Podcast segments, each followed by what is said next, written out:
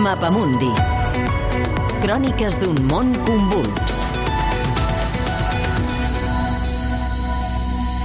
Judicis gravats a França, entre la memòria i el dret. L'audience est ouverte. Je demande au service d'ordre d'introduire l'accusé, s'il vous plaît. Així començava l'11 de maig del 1987 un judici d'enorme importància a França.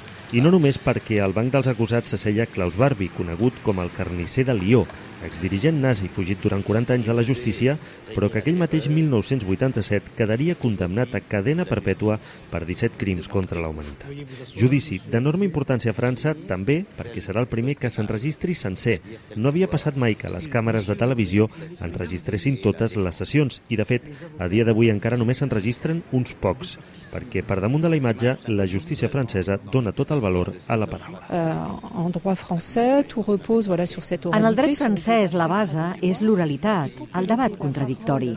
I perquè l'ús de la paraula pugui ser lliure, cal que no estigui condicionat per una representació que pugui ser immediatament difosa i posar els actes del procés en una posició de sobrepresentar-se ells mateixos, a controlar la paraula, els gestos, i es perdria, almenys la justícia francesa ho veu així, la llibertat de paraula jurídica. Perdrait, euh, en tout cas la justice française le, le voit comme ça, on perdrait en liberté de parole judiciaire.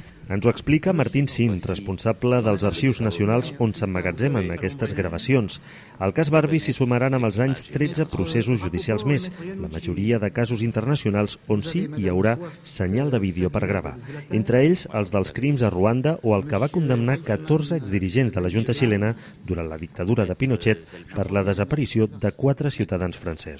prononce à la majorité l'acquittement de Zara Holger José Octavio.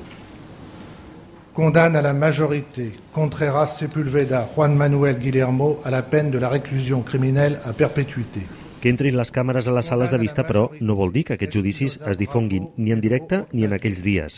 Les normes a França són molt estrictes amb aquesta qüestió.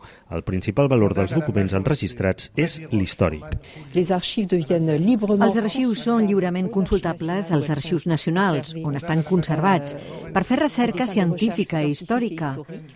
En canvi, si es necessita utilitzar-lo, sigui per una emissió, un documental o una exposició, cal demanar una autorització al president del Tribunal Judicial de París, si no els arxius estan bloquejats durant 50 anys. Elles sont bloquées pendant 50 ans. L'últim dels judicis en registrar-se és el que se celebra a París des del 2 de setembre contra els acusats de donar suport logístic als atacants de Charlie Hebdo i el supermercat Hipercaixer.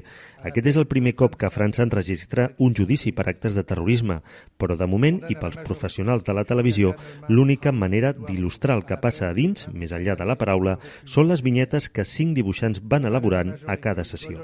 Elisabet de Porquerí és una d'elles. Cada un de nosaltres cinc té una visió diferent del món, del procés. No és la mateixa cada vegada.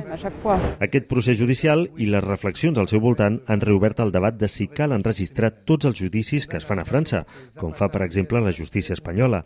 L'entrada de càmeres de foto i vídeo als tribunals francesos es va prohibir el 1955. N'hi entraven massa i més enllà de l'oralitat dels debats hi havia en perill la integritat d'alguns actors del procés.